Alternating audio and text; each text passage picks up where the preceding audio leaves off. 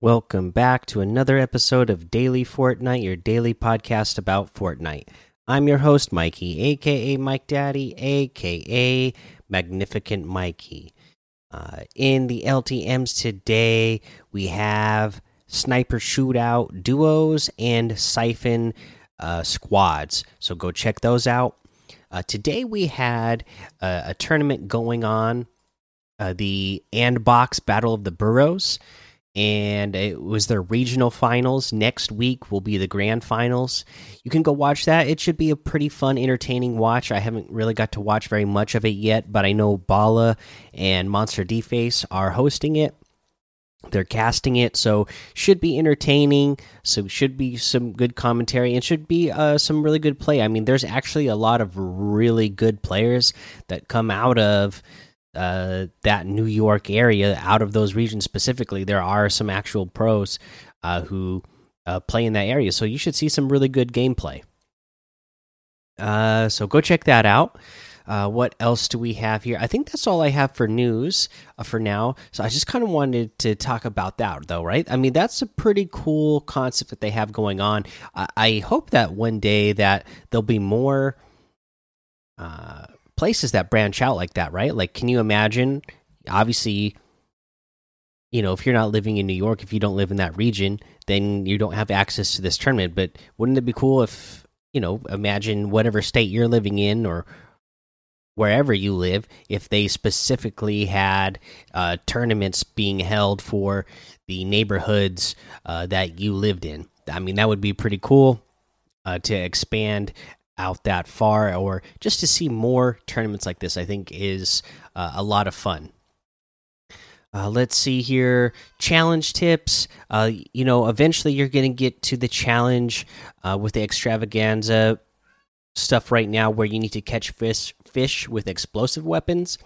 And uh, don't forget that uh, you can use dr doom's powers to as an explosive to uh, fish in the fishing holes. So that is one way you can do it.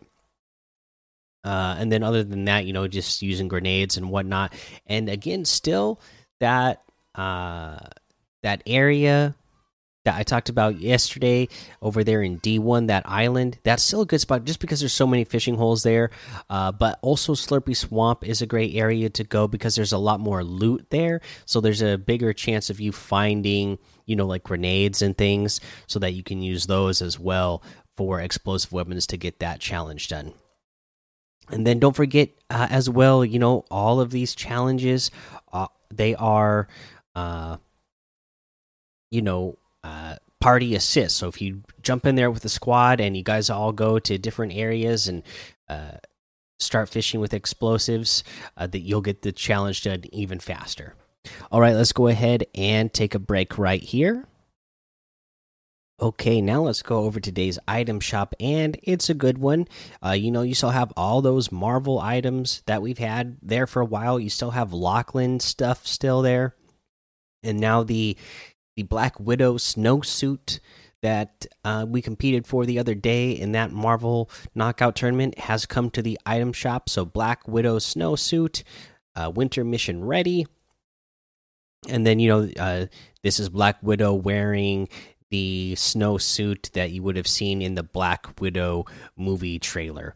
And uh, they, you know, obviously that was supposed to be out, uh, you know, last May, but it's now not coming out till next May.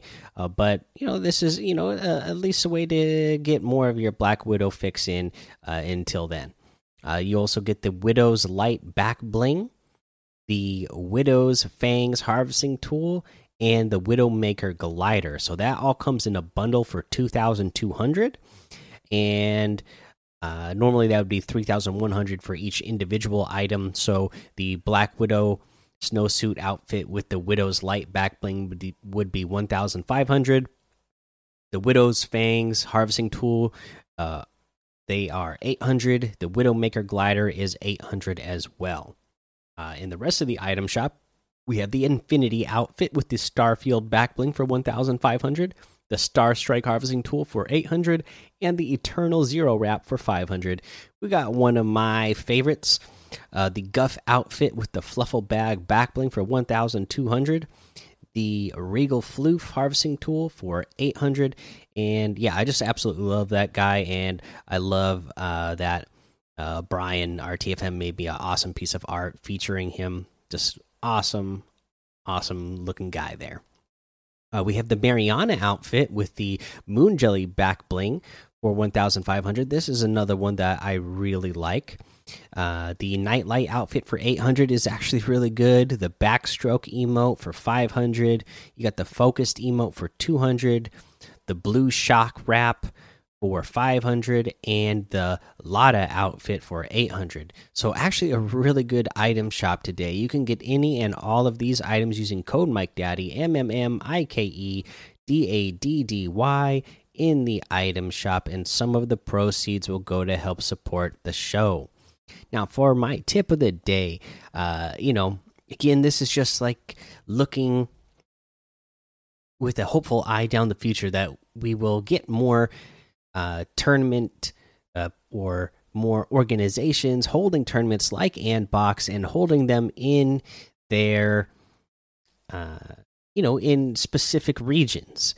And uh, if you ever get the chance to do that, uh, just you know, you really got to scout your competition and know what you're up against, know who are the best players in your region so that you know what they're good at and the style of play they have. That way, you know how to uh, defend against it or how to uh, break whatever it is that they're trying to do.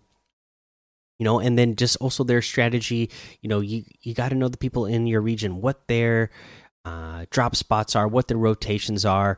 Uh, that way, you know uh, you can make a decision on where you want your drop spot to be and what you want your rotation to be based on what players are going where and who you feel like has a good fighting style that you have a higher chance of running into that uh, you know you would be more likely to be you feel confident hey i know this player takes this route uh, even though they take that route uh, that's the route i want and i feel confident that i can beat that player.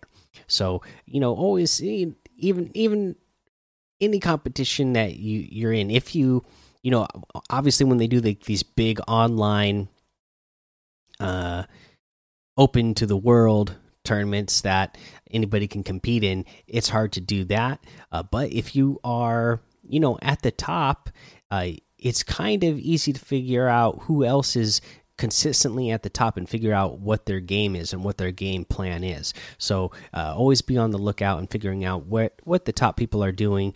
Uh, that way you can build your game plan around that. All right, guys, that's the episode for today. Go join the daily Fortnite Discord and hang out with us. Follow me over on Twitch, Twitter, and YouTube. It's Mike Daddy on all of those.